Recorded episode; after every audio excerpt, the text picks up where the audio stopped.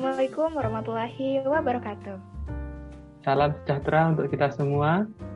Uh, selamat pagi, siang, atau sore atau malam. Uh, karena podcast bisa didengarkan sembarang waktu, jadi uh, salamnya jadi bingung nih, maksud salam apa. Podcast kali ini kita mau bahas apa ya, sih? Hmm, sebelum kita spill mau bahas apa nih, Kak? So, welcome back di podcast kita yang berjudul School Life Balance 1.0 Develop Your Skills. Ngomong-ngomong, sekalian kenalan sama kita yuk. Oh iya, lupa kenalan ya. Uh, saya Riza. Oke, dan saya Shiva. Uh, jadi podcast kali ini kita mau bahas apa sih? Nah, jadi Kak, di podcast kita kali ini tuh mau bahas gimana sih caranya tetap aktif dalam berbagai kegiatan seperti kepanitiaan misalnya, tetapi tetap berprestasi secara akademik nih teman-teman. Nah, sebelum mulai ke acaranya, boleh nih Kak Rizal diperkenalkan dulu siapa narasumber kita hari ini. Kebetulan katanya sangkatan sama Kak Rizal ya. Aku jadi kepo nih Kak, siapa sih orangnya? Iya, kebetulan eh, narasumber kita saat ini yang ada di podcast kali ini adalah uh, Ketua PLM kita, Ketua PLM PKN STAN periode 2022 yaitu Kak Lukmanul Hakim. Uh, Kak Lukmanul Hakim ini uh, orang yang luar biasa banget karena ikut organisasi juga langsung jadi ketua, kemudian di PLM pula di salah satu organisasi atau organ iya organisasi mahasiswa Ormawa yang salah satu yang paling elit mungkin ya kalau di kampus kita di PKN STAN setara lah mungkin sama BEM dan PAK uh, eh, bukan cuma di organisasi uh, Kak Lukman ini juga sangat aktif sekali di banyak sekali kepanitiaan. Kayaknya kalau aku sebutin satu-satu uh, aku nggak inget sih saking banyaknya. Mungkin biar lebih jelas uh, sekalian kenalan ya mungkin ya Kak Lukman ya. Uh, silahkan dijelaskan juga organisasi sama kepanitiaan yang diikuti. Uh, sekalian jabatannya gitu biar jelas satu-satu gitu. Uh, silakan kepada Kak Lukman untuk uh, menyapa sekaligus memperkenalkan diri. Baik, halo Kak Rizal dan Kak Siva. Halo. Uh, selamat pagi, selamat siang, selamat malam teman-teman semuanya. Uh, Oke, okay, baik. Aduh, tadi uh, perkenalannya uh, cukup disanjung-sanjungkan ya, padahal nggak sehebat itu kok sebenarnya. kebetulan aja gitu lagi mungkin ada kesempatan datang ya uh, kenapa tidak dicoba gitu. Mungkin aku mau perkenalkan diri dulu ya perkenalkan uh, teman-teman semuanya. Uh, nama aku Lukmanul Hakim bisa dipanggil Lukman. Nah sekarang aku di, di jurusan D4 Manajemen Keuangan Negara di program satu angkatan sama Kak Rizal nah uh, mungkin tadi kan Kak Rizal sama Sipa mungkin nanyain ya uh, sekarang menjabat apa aja sih? Mungkin kalau di organisasi itu sekarang mungkin uh, penjabatnya itu ya benar tadi uh, yang pertama itu jadi ketua BLM untuk periode, uh, Badan Legislatif Mahasiswa PKN itu untuk periode tahun 2022 ini. Kemudian selain itu juga uh, uh, saya juga menjabat ini di organis uh, di UKM Marching Band. Itu sebagai ketua divisi perkusi atau battery kemudian di PKAKP itu saya jadi staff di bidang riset, kemudian di Puspa itu juga saya juga di staff bidang uh, kajian dan penelitian. Itu mungkin uh, Kak Rizal dan uh, Siva. Widih, luar biasa banget ya Kak. Tadi tuh banyak banget jabatan yang kakak emban. Dah, mungkin uh, aku juga pengen tahu nih Kak, di bulan apa aja sih kegiatan-kegiatan yang tadi kakak sebutin itu? Dan uh, mungkin kalau... pasti Mm-hmm. Kalau kalau kegiatan yang organisasi itu mungkin nggak se ini ya, nggak sepadat kepanitiaan. Uh, kalau aku tuh lebih sibuknya di kepanitiaan sebenarnya, tapi di organisasi yang cukup menyita waktu itu ada dua, ada BLM nah, karena aku jadi sebagai ketua, jadi uh, hampir semua kegiatan BLM aku ikutin dan sama juga marching band itu juga pelatihannya cukup rutin, jadi itu cukup menyita waktu. Tapi untuk yang beberapa bulan ini sebenarnya yang banyak minta waktu tuh dari kepanitiaan-kepanitiaan itu sih sebenarnya. Oke, nah karena tadi kakak bilang sibuk ya kak ya, nah aku hmm. pengen tahu nih kak gimana sih cara kak Lukman uh, membagi kegiatan sehari-hari itu kak, khususnya nih kan di PKN itu di PKN tuh kan uh, mau ada ujian, terus bentrok nih kak sama ada kepanitiaan.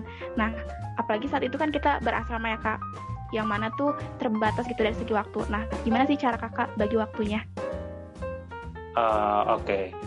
mungkin oh tadi uh, kepanitiaan ya mungkin teman-teman belum tahu kepanitiaanku yang mana aja.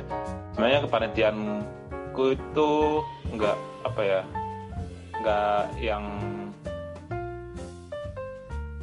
wow banget sih sebenarnya. Uh, nggak wow maksudnya uh, gimana ya bukan yang jabatannya gitu. Jabatanku tuh bukan sebagai korlap gitu. Tapi di kepanitiaan kan aku mentok-mentok tuh kemungkinan kabit sih. Kabit di PRPN kan kemarin jadi kabit logistik kemudian di uh, eh, OPTK tuh uh, jadi staff di medis kemudian di dinamika ini itu jadi kabit logistik pagi kemudian di panitia wisuda itu jadi uh, anggota bidang protokol panggung. Nah untuk uh, membagi waktunya ya uh, mungkin ini sih aku tuh orangnya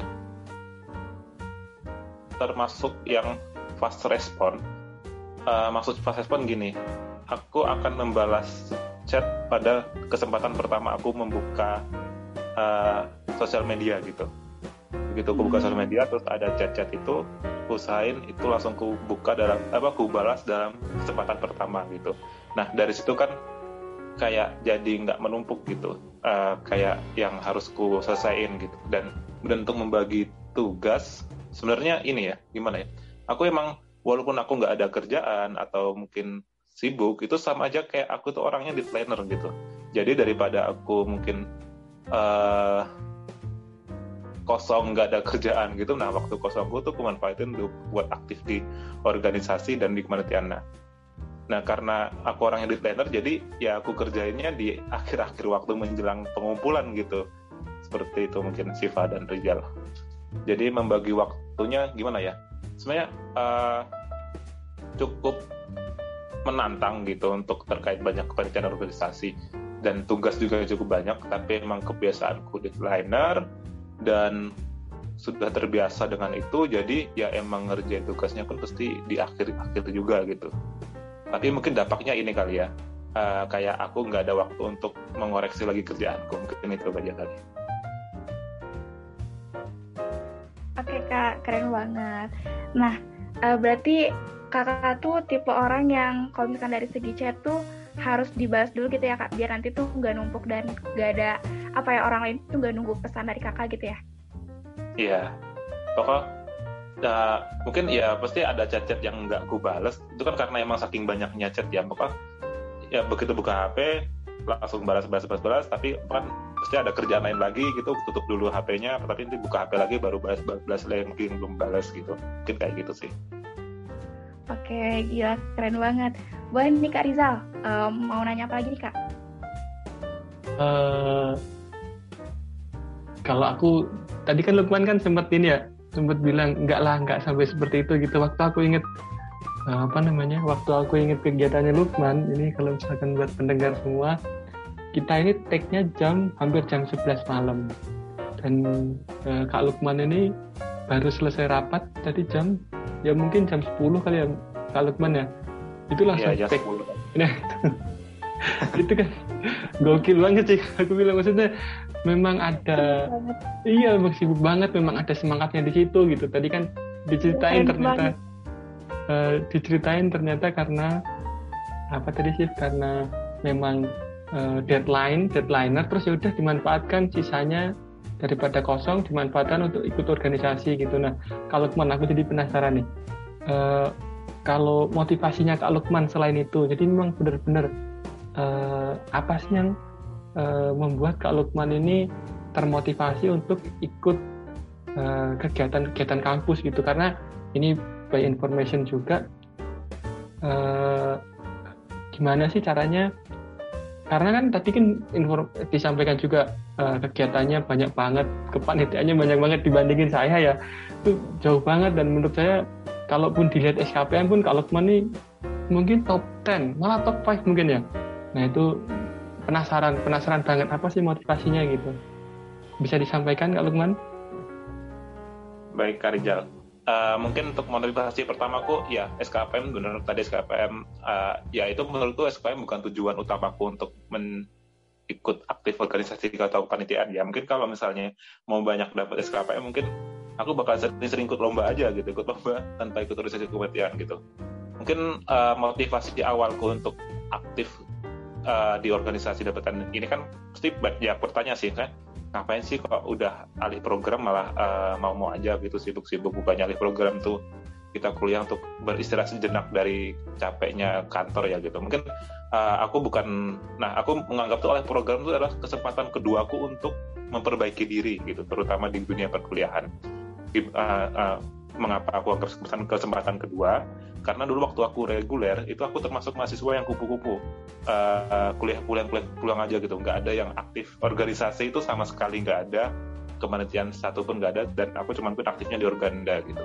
Nah dampaknya apa? Karena aku reguler pas reguler itu dulu mahasiswa yang kupu-kupu di kantor tuh aku cukup struggle gitu. Dengan kemampuan interpersonal skillku dan juga uh, manajemen waktunya pas apabila di kantor kan sering ada banyak uh, kayak kegiatan-kegiatan itu dan pasti uh, banyak yang terutama mungkin yang pelaksana-pelaksana gitu kan untuk menghandle-nya gitu. Nah, di situ aku cukup struggle, makanya di untuk kembali lagi ada kesempatan untuk kembali lagi kuliah itu aku anggap sebagai kesempatan kedua untuk mengasah skillku terutama di interpersonal skillku manajemen waktu dan juga mungkin benefit lainnya yang mendapatkan koneksi yang lebih banyak lagi dan juga uh, eh, SKPM tuh mungkin bonus terakhir lah yang akan ku dapat, yang akan ku cari gitu. Tapi uh, motivasi awalku tuh yaitu tadi untuk interpersonal skill dan manajemen waktu dan mengapa juga aku di organisasi mungkin beberapa kali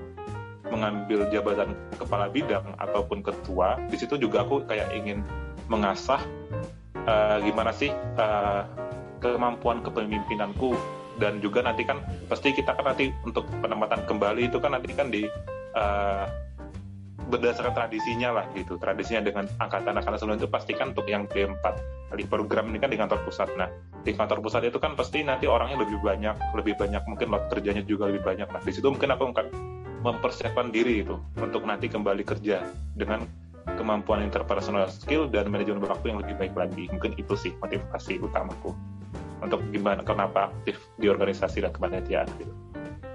Jadi keren banget kak motivasinya. Jadi kalau misalkan aku bisa simpul ini kak, jadi kalau men itu punya motivasi uh, untuk memperbaiki diri ya kak, biar punya banyak pengalaman, terus pengen uh, ngasah manajemen waktu, interpersonal skills, dapat koneksi dan SKPM itu bonus ya kak. Dan apa ya, SKPM itu bukan dijadikan sebagai motivasi utama seperti itu ya kak?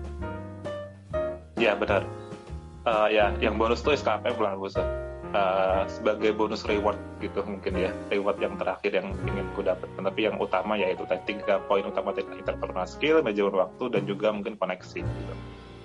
Oke, nah aku jadi penasaran nih kak, kalau mantu kan uh, kegiatannya banyak banget. Nah kakak tuh uh, apa nggak ngerasa khawatir dengan nilai akademis kak? Cukup khawatir dan lumayan khawatir gitu dengan nilai akademis, tapi uh, dan kemarin kan juga baru pengumuman ini ya nilai gitu. Dan sebenarnya nilaiku cukup jauh turun gitu dibanding semester kemarin. Tapi menurutku penyebab turunnya tuh bukan karena aku aktif di organisasi atau penelitian tapi menurutku seperti apa ya. Mungkin sedang apes atau takdirnya seperti itu karena ya aku pikir pun kalau aku nggak di organisasi atau kepanitiaan pun ya aku bakal ngerjain tugas-tugas atau mungkin mata apa uh, uas yang PPMK juga sama gitu. Kan aku emang orangnya di planner jadi ya emang pasti bakal aku kerja di akhir juga gitu. Jadi kayak ya khawatir juga, juga lumayan khawatir. Tapi gimana ya? Uh, aku nggak menyesal juga gitu. Uh, aku aktif di organisasi tapi nilaiku turun tuh nggak menyesal karena emang nilai turunnya pun bukan karena itu gitu. Mungkin karena ya lagi apesnya aja gitu. Dapat dosen seperti itu atau mungkin uh, ya ya seperti itulah gitu. Dan apa ya untuk mengawas mengatasi kekhawatiranku itu ya itu aku uh, punya prinsip gimana ya? Nggak apa-apa apa?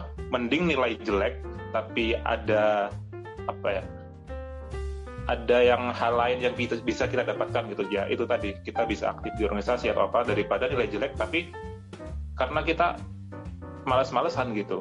Seperti itu sih aku prinsipnya. Jadi kayak nilai jatuh atau apa pun sebenarnya juga nggak nyesel banget juga gitu. Tapi keselnya lebih ke uh, takdirnya sih. Kenapa kok bisa seperti ini gitu? Seperti itu. Berarti faktor X itu ya kak? Bukan karena iya. kepanitiaan organisasi bukan aku nggak nggak ya bukan karena itu semoga nanti nilai kita di semester selanjutnya naik ya kak ya Amin gitu. Soalnya emang se mungkin sebagian besar teman kelasku pun di semester ini pasti banyak yang ngalami sama kayak aku gitu yang IP-nya anjlok juga gitu. Iya. oh ya kak, sebelumnya aku dapat info nih. Uh, hmm. Kalau temen itu kenapa bisa jadi menarsum kita walaupun kegiatannya banyak, tapi IP di semester sebelumnya itu ya kak ya mendekati angka 4 nih katanya ya kak. Berarti kan bukan bukan hanya kumlot nih kak nih Nah, kadang kan udah lagi mendekati angka 4. Nah, itu tipsnya gimana sih, Kak? Maksudnya tuh cara belajar kakak tuh gimana sih di tengah gempuran organisasi dan juga kepanitiaan? Oh iya ya, oke okay, baik. Oke. Okay. Uh, ya, mungkin kan for your information itu kan yang mendekati angka 4 kan waktu semester pertama ya.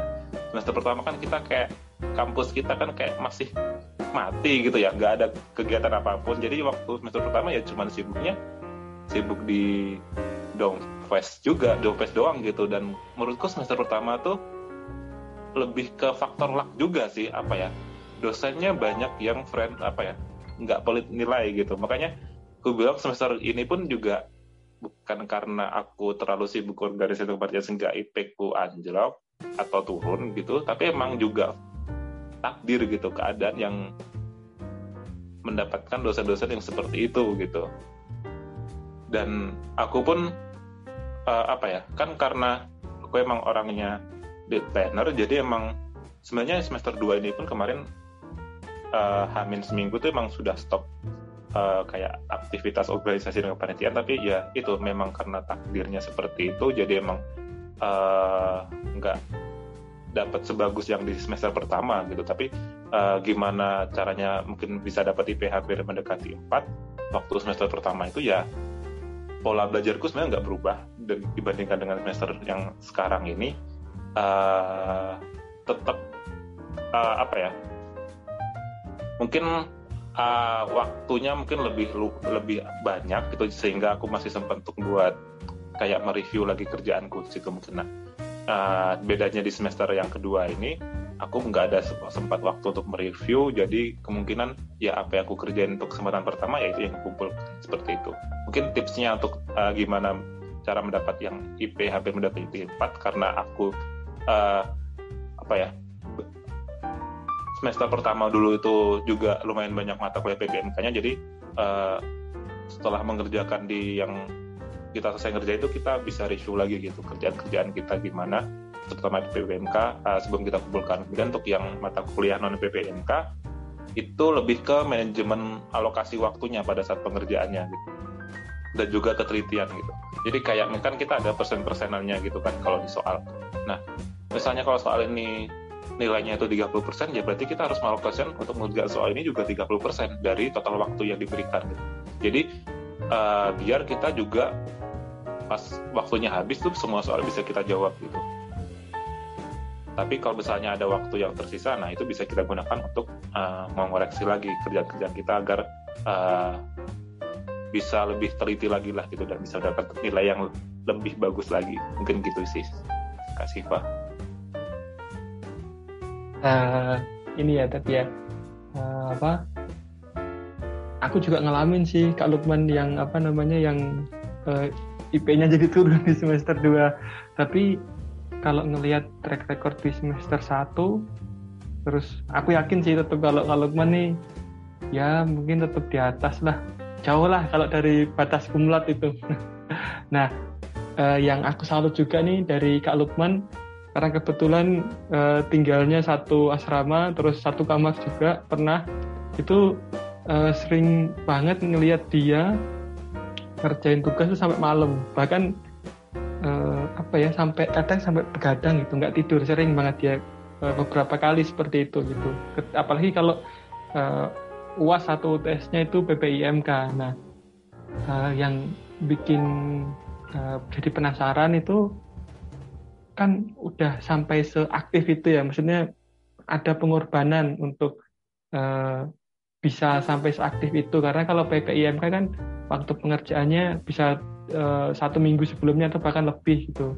Nah tapi sebelumnya nggak ngerjain apa-apa, sebelumnya uh, fokus di kegiatan kampus baru setelah seminggu atau mungkin tadi disampaikan satu minggu sebelum ujian baru mulai uh, fokus untuk uh, memenuhi kewajiban ujiannya. Nah, yang berikutnya jadi penasaran, yang jadi uh, kami penasaran, kita penasaran itu uh, kalau ingin menjadi seaktif itu, itu apa sih yang didapetin gitu? Ini kan kebetulan kalau Kak Lukman kan memang saksi hidup ya, uh, bisa sampai seaktif itu. Nah gitu kalau misalkan nggak ada benefitnya, mungkin nggak akan nambah terus dong apalagi tadi dijelasin juga kalau di semester 1 tuh kegiatannya sebenarnya nggak terlalu banyak. Nah baru di semester 2 itu semakin banyak gitu. Kira-kira benefit yang didapat tuh apa aja sih Kak Lukman? Oke terima kasih uh, Kak Rizal. Mungkin kita lihat dari motivasi utamanya mungkin ya.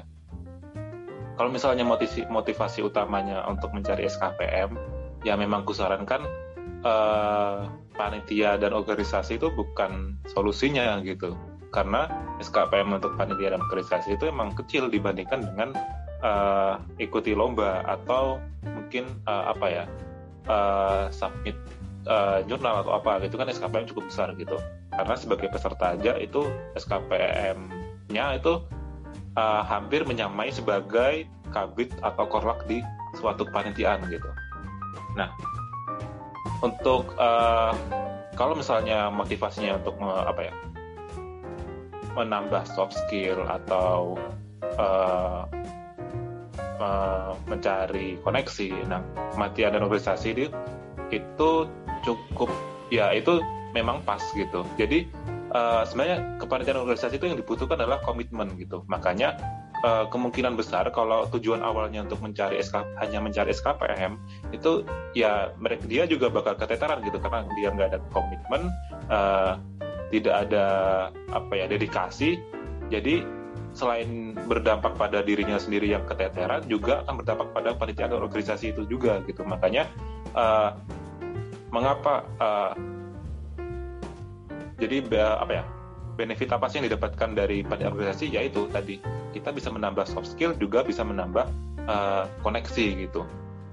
Nah kalau misalnya yaitu makanya jangan mengharap ikut pada organisasi itu karena ingin mendapatkan SKPM kayak gitu sih mungkin aku tekankan di awal karena yang dicari di pada organisasi itu adalah uh, komitmen yang tinggi dan dedikasi gitu.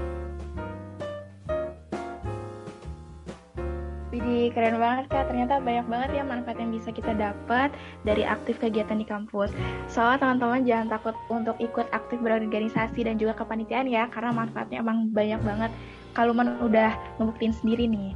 Nah kak, uh, terakhir nih sebagai seorang yang emang udah apa ya terjun langsung gitu kak aktif berkegiatan di kampus, boleh dong disampaikan saran ataupun pesan uh, untuk teman-teman teman uh, supaya aktif juga nih kegiatan di kampus.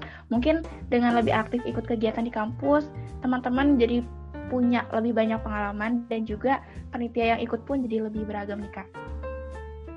Oke, Baik, terima kasih Siva. Mungkin yang uh, berdasarkan ini ya uh, alasanku kenapa harus kenapa aku ikut uh, kepanitiaan organisasi gitu ya. Yang pertama yaitu untuk mengasah kemampuan uh, soft skill kita gitu. Soft skillnya bukan ya banyak beragam gitu.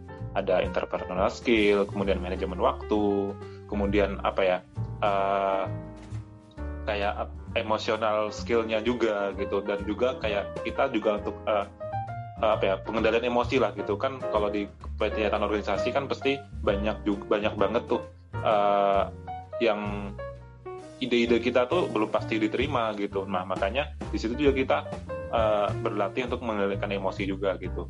Nah kemudian ya selain itu ya kita bisa mendapatkan koneksi dan apa ya ya yang kurasakan langsung gitu adalah bedanya yaitu dulu kan karena aku nggak ada aktif organisasi atau kepanitiaan uh, apa pun gitu bukan apa pun sih. Kan ya aku aktifnya di organda aja waktu reguler ya itu berdampak banget waktu kerja di mana kayak keteteran gitu untuk mengikuti uh, budaya kerja yang ada di kantor dan juga uh, interpersonal skill di kantor gitu. Gimana cara kita komunikasi dan lain-lainnya. Karena kan kalau di kantor kita bukan cuma uh, dengan teman sebaya kayak di kuliah gitu. Tapi kita juga dengan semua jenjang umur gitu. Jadi emang dari organisasi dan kepartian itu kita kan sebenarnya uh, bakal juga kita nggak komunik cuma komunikasi sama uh, teman-teman sebaya juga. Tapi kita juga dengan uh, dosen kemudian dengan pihak luar pihak ketiga seperti vendor ataupun uh, pihak-pihak lain seperti narasumber dan lainnya. Nah, di, uh, dari komunikasi itu kita bisa terlatih gitu. Nanti pas di dunia kerja itu kita nggak uh, kaget dan juga langsung dengan mudah menyesuaikan diri dan juga uh, kita juga bisa jadi apa ya pegawai yang diandalkan lah gitu. Bukan hanya menjadi pegawai yang hanya mengikuti aja gitu. Mungkin di situ sih. Mantap aku dengerin uh, penjelasannya dengerin ceritanya dari Kak Lukman jujur jadi langsung ini sih jadi langsung apa ya kayak oh iya nih memang harus aktif berkegiatan gitu kalau di kampus karena uh, memang ada benefitnya memang ada manfaatnya untuk kita gitu. Jadi uh, apalagi karena aku senasib ya sepenanggungan sama Kak Lukman nanti lulus juga langsung ke insya Allah ke kantor pusat. Jadi caranya memang realistis banget sih dan deket banget sama kita gitu mungkin karena sarannya ini dilaksanakan langsung memang benar-benar dari saksi hidup mungkin jadi benar-benar apa ya benar-benar relate gitu sama apa manfaat yang diterima terus uh, manfaatnya untuk ke depan juga apa itu juga langsung uh, terasa. Nah tapi sayangnya uh, karena keterbatasan waktu sepertinya podcastnya harus dicukupkan Iya nih, hmm. sayang banget. Uh, kami mau ucapin terima kasih buat Kak Lukman. Semoga ilmu yang disampaikan dapat memberikan manfaat untuk pendengar semua. Semoga bisa memberikan contoh dan juga jadi penyemangat untuk kita semua. Uh, amin, amin. Dan akhir kata, mohon maaf apabila terdapat banyak kekurangan maupun kesalahan ucap. Sekali lagi terima kasih kepada Kak Lukman yang telah berkenan hadir Uh, sampai bertemu di podcast kami selanjutnya. Podcast School Life Balance 1.0 Development Your Skill kami akhiri. Wassalamualaikum warahmatullahi wabarakatuh. Waalaikumsalam warahmatullahi wabarakatuh. Terima kasih Kak Rijal, Kak